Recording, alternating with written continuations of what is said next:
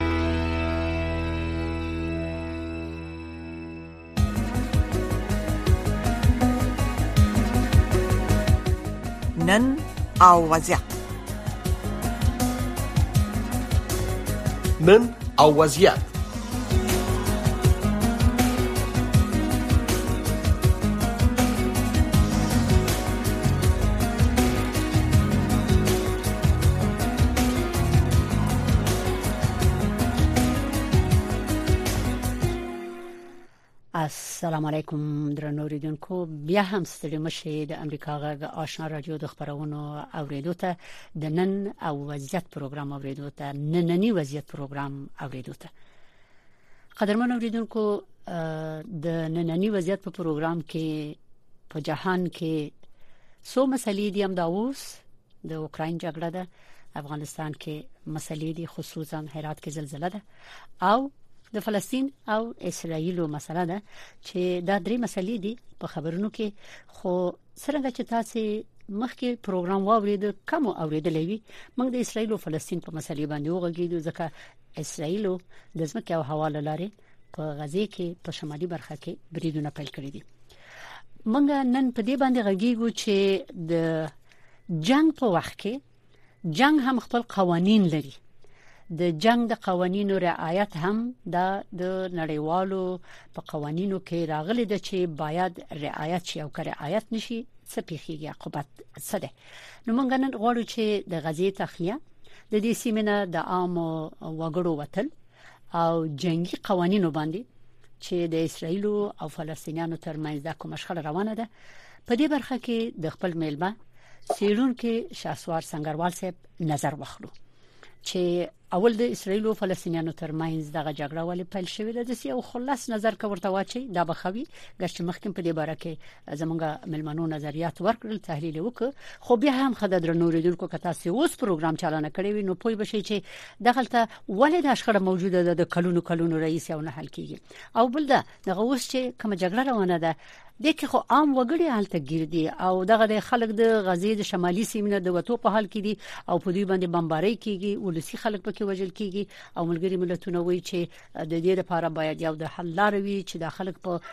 مسؤل ډول د سیمې نه ووزي نو دغه جنگي قوانين سې اجابات لري او که څوک جنگي قوانين رعایت نکي بیا نړیوال دغه ملکونو سره یا چارواکو سره څه ډول عمل کول شي د زباول قدرمن اوریدونکو ستاسو په اجازه د خپل محترم ملما سنگروال صاحب احوال واخلم چې پروګرام ته راغلی دی نه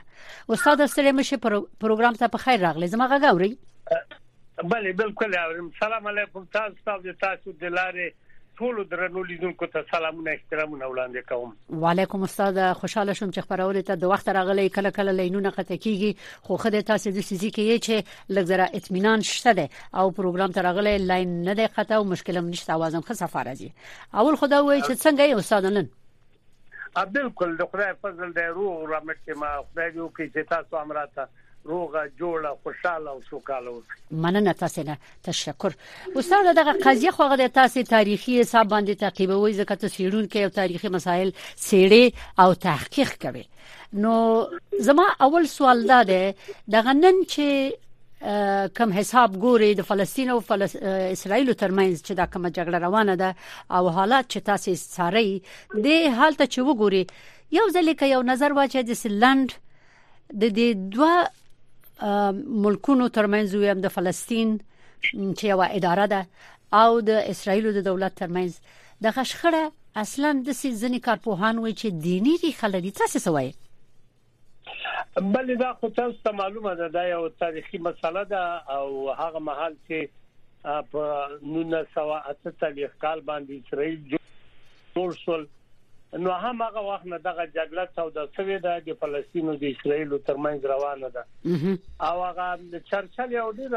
چرچل درې ډیره مهمه خبرې کړې دي چې تقریبا هغو نړیوال ارزښت پیدا کړی دی. لومړی خبره څه وخت چې دومه نړیواله جګړه پای ته ورسېده ده د امریکې په یو ښوونځي کې خبرې کولې او وی ویلې چې من خو فاشیزم یا هټلر مات ک خو په یاد ولري چې منګ یو بل ستر دښمن لرو چې هغه ستر دښمن شوروي دی او هغه کمونیزم دی دغه نورسته دغه نیټه نورسته هغه سره جګړه چې موږ په تاریخ کې وایو د چرچل د دغه خبرو نو وروسته پیل شو د چرچل دومره خبره وی وی ویلې وی نید ا بیت اف انډیا کله چې دومره نړیواله جګړه پای ته ورسیده نو دوی ویل چې اوس موږ نور هند ساتلې نشو نو هغه و چې د هند په خاوره کې او د افغانستان په خاوره کې یو هیواد آباد ک په 1930 کال کې غته پاک پاکستان وویل دریمه خبره په 1948 کال د بیا ویلي وینید ابټا اف میډل موږ د میډل ایست په خاور کې یوې موټي خاورې ته ضرورت لرو چې بیا په 1948 کال باندې اسرائیل جوړ اسرائیل د همغه نیټې نه تر اوسه پورې تقریبا دی او دولتي تروریزم په توګه باندې دغه سیمه غواخي او تدیر بریده پورې فلسطین ګواخي او د فلسطین کوم کډوال چې هلته موجود هغه راوخکل تقریبا په دغه غزه تړانګ چې ورته وي دغه فلسطینی کډوال په دغه غزه تړانګ کې ځای په ځای شول او تقریبا دا تر دغه سیمه تر 1900 ته کال دا د مصر په لاس کې و او په 1918 کال باندې کله چې اسرائیل په مصر باندې برید وکاو مصر له دې سیمه وسړ او دغه غزه تړانګه د دې په ولکه کې پرې وته په 1915 کال پورې دا هغه مهال دی چې دلته تقریبا د حماس ګوند هم جوړ شوی دی او د فتح ګوند هم جوړ شوی دی نور سیمه ییز ګوندونه هم شتون درلوده خو د د دغه ګوند په تړاو دا چې انګرینې دي چې دا په 1940 کال باندې د حماس ګوند جوړ شو او اسرایل په خلاف باندې د هغه وخت نه د ازادي بخښونکي غورځنګ په نوم باندې ځای ځای پاتونونه کېدل تر هغه پورې چې په 1900 په 2015 کال باندې اسرائیل مجبور شول چې لدې دغه خاور پریږدي او وکړه چې دی وتل لبل مرغه چې د دې خپل منځي جګړې شروع شي او په دغه خپل منځي جګړې کې حماس او فتح دواړه خکر پخکر شول تر 1900 کال پورې دوام 2000 کال پورې دوام وکاو خو دغه سیمه تقریبا تر ډیره د حماس د د ګوند په ورکه کې راغله او راملا سیمه چې د اردن د سیم په غاړه تقریبا په غرب کې موقعیت لري هغه د فتح په لاس پیسوا نو دغه په ملګرو ملتونو کې یا په جهان کې تقریبا دغه چې انګري نیوي چې دغه جګړه به د اسرایل او د فلسطینانو ترمنځ تر څو وخت روان دی په وار وار باندې دا خبره راپورته شو خو له بده مرغه چې ډیر ورته د ملګرو ملتو پام هم نه وړي او دا بیچاره ولس چې ډیر هم شمیر نه لري تقریبا د 2 میلیونو په شاوخوا کې وګړي دي او دغه تړانګ هم تقریبا یو 40 کیلومتر اوږدوالی لري او د 12 کیلومتر درست ښه سنگروال صاحب محترم بیچاره ولس تقریبا بله بله سرنوشت نه دی معلوم خه و زما سوال دا دی چې تاریخچه ته مو نظر واچو او تاسو چل چل درې خبرې وکړي چې اسرائیل ولې جوړ شو درست خه دا جوړ شو دنیا ومنلو یو دولت شو مګر د فلسطینیانو تر اوسه پورې یو اداره ده درست اوس خو راشي د غنننې نننې نننې حالت وګورئ اسرائیل وایي چې د فلسطینیانو او بخې د حماس حمله ناحق ده او دوی غوښتل سعودي عربستان غوښتل چې دوی خبرې سره پیل کړي او په دغه شخړې باندې وغږیږي او د مسله حل کړي مګر کله چې فلسطینیانو او حماس دغه حمله وکړه دوی هغه د بریټ شروع کو جنگ اعلان کړ اوس خبره دا ده چې دوی ته ویلي دي چې تاسو د دې شمالي سیمې نه وځي جنوب خواته ورشي دوی چې جنوب خواته ورځي اخو ته لبنان دی دوی په دغه منطقه کې لکه لکه محاصره غوندي شي لار د وټو نه لري او خواته هم د لبنان نه چې بیا په اسرایل باندې د بریدونو تیاری نیول کیږي بریدونه کیږي دلته هم ولس په منځ کې گیر دی دغه عام وګړو د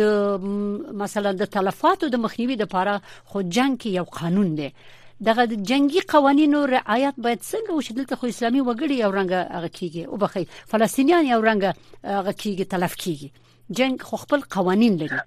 آیا اسرائیل دغه د جنگ قوانين رعایت کړي دي په دغه وخت کې نه نه په صورت کلم نه دي کړی دا یوازې دغه نه چې دا د شم به ورځ نه را پدې خو چې کوم بریدونه کوم مرګونی بریدونه او له وحشت د بریدونه چې بده ولس په دې خلکو په دې انسانانو باندې کیږي دا نه نه ده تقریبا د دې نه مخکې چې کله فلسطین موضوعات وڅاري په بیلابیل وختونو کې تل د هغو اسرایلو هم دغه ډول ظلمونه په دې ولس کړي دي جنگ قوانين نه چې بيخي د بشري قوانين نه مر نه دي مراعات شوي په دې کې نه یوازې پوځي کسانو ته یا نه یوازې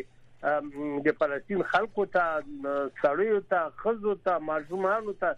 تقریبا دغه چې یو جګړه روانه ده چې د انسان په تاریخ کې تقریبا ډیر لږ سره لیدل کیږي دغه جګړه فقط فقط د د فاشیزم جګړې ته، د چنګیز جګړې ته، د سکندر جګړې ته او نورې کومې دغه ډول جګړې چې په نړۍ کې پېښې شوي، فقط دا له یو وحشته ډکه جګړه ده او تقریبا ډېر په کې بې ګناه نجونې، ماشومان، غټ، واړه، زاړه دا ټول په کې تباه کېږي او تاسې وګورئ چې دا غرونه غرونه بمونه غورځوي او دا خو نو طبعا په انسان غورځيږي دا خو غر نه دی په غرون نه غورځيږي الته انسانان وږيږي الته څاروي ژوند کوي الته مګر سنگروال صاحب سنگروال صاحب کله چې حماس پويږي چې دومره ډیر قدرت هم نه لري کنه د اسرایل سره جګړه هم دومره اسانه جګړه نه ده غي یو دولت دی ډیر پلویان لري ولی حماس دغه یو برید وکړ چې حتی خپل د اسرایل چارواکي ورته حیران پاتې شول ولی خو دوی خو په دې پویدل باید دغه یو کار په داسې یو وخت کې ولی مهرباني دما دما داسې دی چې دغه برید دا چې نه دی چې دغه برید مخکې د دې برید نه اسرایل بریدونه نه کول نه د دغه برید نه د مخه اسرایل برید کو بلې حماس دې پیږي چې ما د اسرایل سره وسه نه رسیږي خو که څوک چیرته د اسرایل هیواد تلاش کی او یا دغه سیمه تلاش کی بیا ته پیږي چې په دغه انسانانو باندې څونه بد اورز ده فرضن الته د دې مذهبي مراسم نشته الته د دې انساني خواخوږي نشته الته پالن نشته ته پیږي هغه کورنۍ چې په اسرایل کې وسیږي فلسطینیان نه هدف ده دا پاتې کوم فلسطینیان دي د هغو سره د تګ او راتګ اجازه ورته نشته او دا داسې نه دی چې دلته جګړه درېدلې وه او موږ وایو چې ښه دا حماس ته وایي چې جګړه خو درېدلې و تا نو ولې بیا جګړه له سره پیل کړه نه کله هم دغه جګړه نه ده درېدلې په وخت نه وخت همیشه دغه جګړه روانه ده هر وخت اسرائیل موقع لټولې برید کړی دی یعنې که چیرته موږ ووایو چې رښتیا دا جګړه خو نه دوه میاشتې ولاړه و درې میاشتې ولاړه و هغه د حماس ته وی چې خا وسه دیم نه رسیږي دا برید دی وکاو بیا ګنا ولس خو د وزلو لامل خو ته سوي ځکه چې تا جګړه شروع کړه نه دا څه نه ده جګړه کلم نه ده درېدلې جګړه روانه ده خو دغه جګړه چې دا نن روانه ده بلې په دغه شکل باندې نه و ولې چې تو پرد جګړې دځي دا شیان همیشه په دغه خوا سیمه کې همیشه دغه څه ورځ به ته پیدا نه کی چې د درې څلور فلسطینان نو ته مرګ جوړ لنه یا وختي دا څه ورځ نه څه پیدا کولای نو ځکه خو لا ما سم فکر وکړ چې لتان د مخلا چې دوه نسته زم مرم راځه تاسو کوم دغه درد غم دروخی ما نو ځکه بیا د یو څون مذهبي ورځ او د دې لپاره یو موخه و برید په وکوا حقیقت دغه څه دی ښه اوس بلې شو دې ته چې تاسو د اسرایل نه یا د ملګرو ملتونو نه څه توقع لرئ چې د دې ولسی خلکو د تلفاتو مخه ونیول شي د اسرایل خو هیڅ توقع یعنی دواړو خواوو ته مقصد یوازې فلسطین خواته نه دی هم اسرایل خواته او هم فلسطین خواته بله او د اسرایل نه خو هیڅ ډول غوښتنه نه لرم او نه د غوښتنې خبره ده او نو ورته غوږ دي خو د ملګرو ملتونو د ما فرضن غوښتنه ده چې ملګرو ملتونو کچیرته د د د ایوی ناپیل ادارې په توګه باندې او کچیرته دې داوا کوي چې موږ خپل نړیوال قوانين لرو او په نړیوالو قوانینو کې د موږ لپاره زورورو او کمزورې نسته د موږ لپاره ظالم او مظلوم نسته د بشریت د پاره د انسانيت د پاره او د هیوادونو د پاره موږ یو ډول فکر کوو خو له بده مرغه چې دوی کچیرته یو ډول فکر کړی وای او دوی ناتیلی وای نو دغه خونړۍ جګړه به دا کلونه کلونه روانه نه و او یا لک تر لګه چې دغه د شنبې د ورځې نه را پدې خو دغه خونړۍ جګړه چې تقریبا ډیر لکه خیدونکو د پنلۍ کې یا په دې ورستیو کې یا په دغه روانه پیړۍ کې نو زه فکر کوم دا به نه پیښې ده خو ملګرو ملتو هم هغه خپل نړیوال مسولیت په ځای کړی نه دی کچیرته دی د فلسطین یو اداره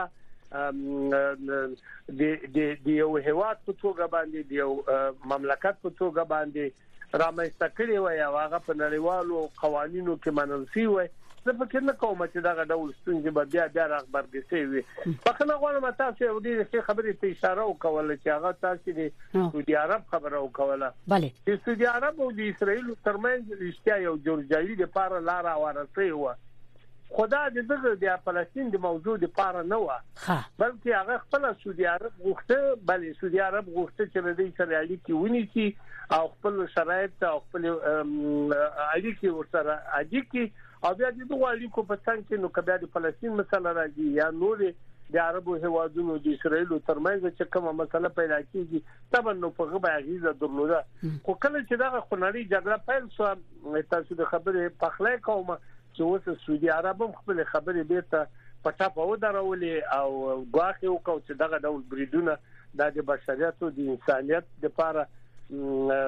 خه خپایل نه لري نو ځکه هغه خبرې اشتیا دی اوس په ټاپه ودرېدل ښه اوس نو زما سوال دا دی چې د ما مخکې د امدې ولسی خلکو د تلفاتو د مخنیوي خبره وکړه چې اوربند کیږي یا مثلا یو دوه لارې ټاکل کیږي درې لارې ټاکل کیږي هغه مسؤلې لارې وي د جنگ د ساحې نه چې خلک ووزي یو بل ساحې ته چې هغه به طرفه ساحه وي الته خلک ټول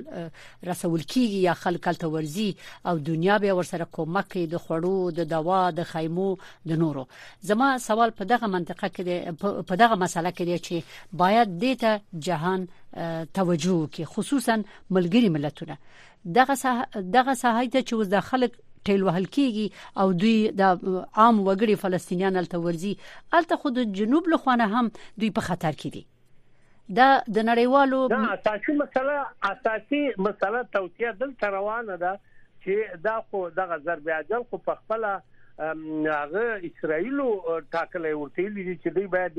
دغه سیمه پریږدي د شمال نه جنوب ته لاړ شي سما شمال نه چې مخ په جنوب باندې ځي څونه لاړ شي چیرته لاړ شي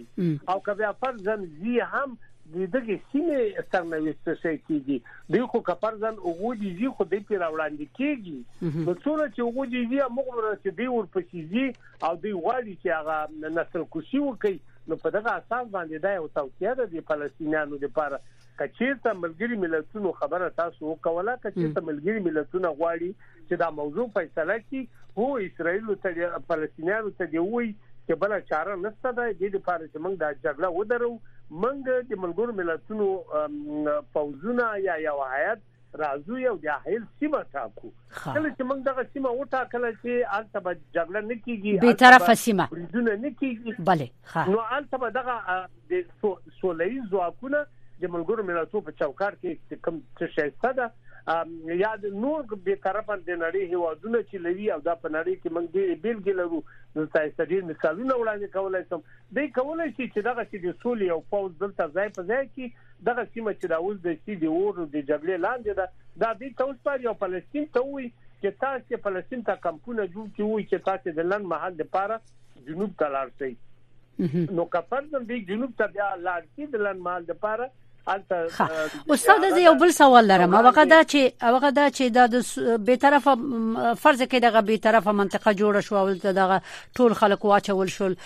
او چې دوی تلف نشي زیان ورته ونه رسیږي غم او خورل شي د صحت او د دوا او د نورو یا مثلا د ډوډۍ دا به ملګری ملتونه وکي مګر دغه خبره چې د دوه ملکونه دوه دولتونه دا خو ډیره په خوا دغه مسله طرح شوې ده تر اوسه پورې عملی شوې نه ده په دې کې خصوصا غټ مشکل دغه د بیت المقدس مسله ده خو ملګرو ملتونو خو داسې ویلي دي چې دا د ملګرو ملتونو د قیمومیت لاندې وي دغه بیت المقدس د ټولو ادیانو خلک به راځي دلته به د دې سیمې چې دغه د ټولو د لپاره مقدسه ده دلته کول شي چې شي او مثلا دعا او عبادت د لپاره او بیرته لاړ شي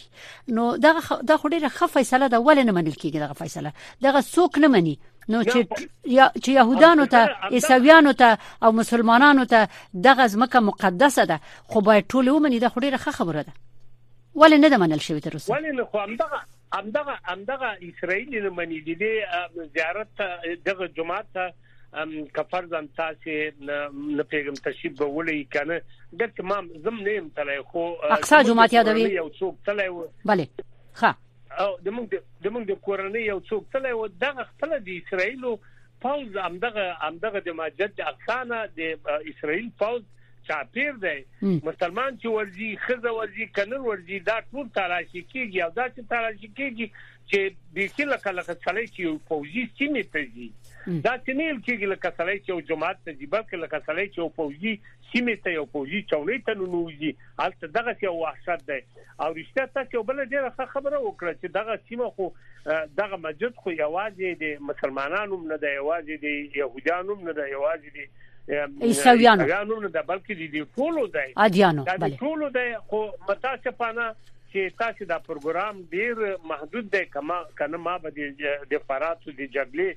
د دجلې ترمن د کلدانیانو د اسوریانو د بابلیانو د پنقیانو دا تا تاریخ به ما درته تشریح کړو دا ډیر په زړه پورې تاریخ دی ځکه دا د تمدن لومړی حوزه ده ما چې ابراهیم علی السلام دغه ځای ته راغی چې ابراهیم علی السلام د هغه نه راووت او دلته په فلسطین کې ځای په ځای سو دلته او بیا د بیا بیرته ابراهیم علی السلام ولې لاړ یا د اسرائیل څوک دی د عرب څوک دی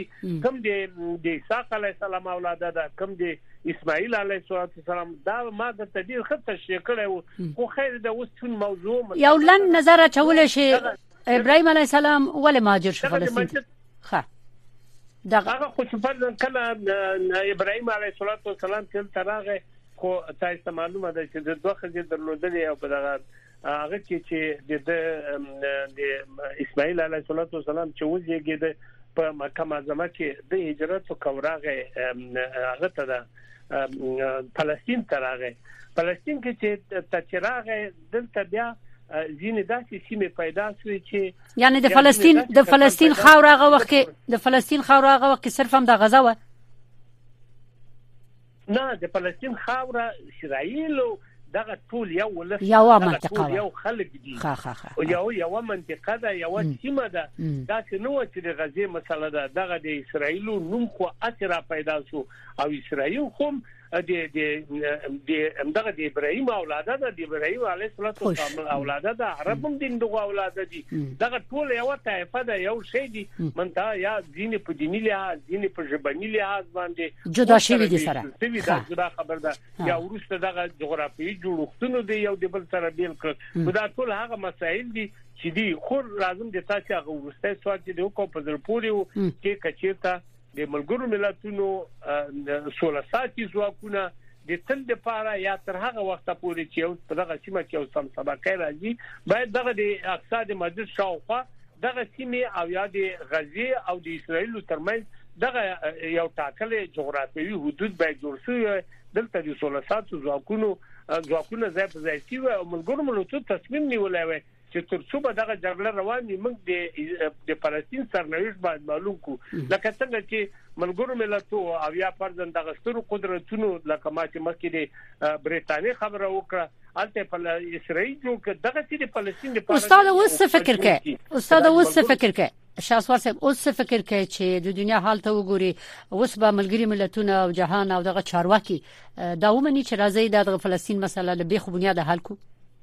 اوس اوس به وشي نه دغه مسله دغه دغه مسله ته ډیره بریده لبد مرغه ما او ویل چې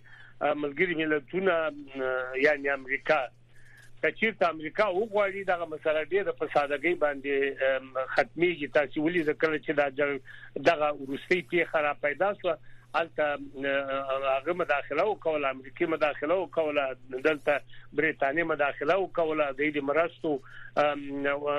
ژمنه وکوله الته روسي فکر وکاو چې راځه د خف فرصت ماتم په لاس راغی د ماته دلته د اوکرين مسله پیدا کړي زه باید الته د فلسطین سره د مرستې په نوم باندې ټټر وهم نو هغه چې هغه د روسي ولسمشر هم اعلان وکاو چې چیرته امریکا او یا غربي نړۍ د اسرایل تر شا درېږي نو موږ به هم د فلسطین په جګړه کې د توپیر پاتې نشو او موږ به فلسطینیانو ته وسله او پیسې ورکو نو زه فکر کوم چې ته لوي خو روسیا وسلې پیسې ورکي او لبل خو امریکا نو دغه جګړه به پراتونکو کې لا ډیره خونلې شي او کچیرته دغه جهان بیا د قطبی کیږي نو او جګړه بیا د امریکا او د روسیې رامنځته کیږي او روسه غواړي چې د اوکراین کساتو انتقام دلته واخلي لکه دی چې یو د بل نه د ویتنام کې انتقام واخلي د په افغانستان کې انتقام اخلي او چې هغه د اوکرين کې انتقام اخلي نو دوی که یو د بل نه دغه ډول انتقامونه اخلي نو بل اخره څوک تبا کیږي استاد یو سوال بل او اخیری سوال به یغه دا چې د خبرونه کم وخت پاتې دی استاد یو سوال هغه دا چې صحیح ده چې دا ملکونه لکه څنګه چې تاسو وایي او نور کارپوهان وایي خپل منافع په نظر کې نیسي که روسیه ده که چین ده که امریکا ده او که نور ملکونه دي د دنیا نو سوال دا دی چې ولسونه هم دومره ناپوه نه دي ولسونه کې هم ډېر روخيار خلک شته او هم د جهان په سیاست باندې پوهیږي تاسو د فلسطین د ولسنه څه توقع لرئ او د اسرایل د ولسنه څه توقع لرئ چې دغه ولسونه کول شي کوم فشار واچي چې دا جنگ وګد نشي ختم شي اوربند شي دغه ولسونه دا اوس د څه تاسو پیږي چې اسرائیل دغه جګړې د اسرائیل ولس دغه جګړې پلوی نه ده بلکې دا دولتونه دي یا حکومتونه دي په ځانګړي توګه حکومتونه دغه جګړې تلمن ولسونه زور لري او بخې وخت به کم دی دا ولسونه دومره زور لري چې حکومتونه خپل مجبور کړي چې جنگ مکوي بده مرغه لبده مرغه چې ولس لبده مرغه چې ولس دې دغه پیښو قرباني دی لبده مرغه چې ولس کې دغه وسه دغه متر نسته ده په سیاسي په اقتصادي په پوځي لحاظ باندې چې په خپل حکومتونو غږو کوي او وایي چې دا پریک دی اوس لوسونه دې سره يرغمل دي نو په دغه اساس باندې دغه جګړه روانه ده او دغه جګړه به تر هغه پورې روانه تر څو چې ستر قدرتونه خصوصا په سر کې امریکا په اسرائیل فلسطین باندې زړه خوګ نه کی هغه دا مسله نه حلېږي استاد سنگروال صاحب په اخر کې یو سوال دی دان جواب زه ساعت ته ګورم او هغه دا چې دغه فلسطینیان چې په جګړه کې ګیر دي یا اسرائیل کې چې الته مثلا د حماس د بریدونو په نتیجه کې ولسی خلک وژل کیږي زخمی کیږي د دغه تلفاتو لپاره بیا هم تاسو نه غواړم چې ستاسو نظر څه دی چې ملکی خلک تلف نشي جګړه خو به د حماس او د اسرایل د پوځیانو وي د ولسی خلکو د بچ کېدو لپاره څه پکار دي اصلا دغه جګړه جبهي جګړه نه ده ولس دا جګړه یو ولسی جګړه ده کچیرته دا فلسطین فرضاً کچیرته یو نظامی ځواک درلودلای یو اردو درلودلای لکه د اسرایل غوندي کویلی به و چې اردو په اردو باندې جنگيږي نو باید ولسی خلکو ته ځان نه رسیږي خو اخوا خو یو دولت دی چې شک نشته او دا خو ولسته ولس خو داسې یو منظم ځواک او یا یو اردو نه لري چې فرضاً هغه هغه سره خپل جګړه وکړي دلته خو ولس سره مخامخ دی ولس قرباني ده د دې پیښو او اسرائیل که فرضاً وایي چې په حکومت باندې فشار راوړي چې دا کار مکوي هلته ولس مننه استاد خبرې وړاندې کوي تشکر په مخ مخه ډیره مننه سنگروال صاحب ساسي د کور وداني چې راغلی خپل نظر مو ورک او خپل تحلیل مو بیان ک په مخ مخه درنو ریدونکو د امریکا غږ آشنا رادیو خبرونه ادامه لري ساسي غږ پروګرام دی چې خپل نظریات ورکړي کورم ودان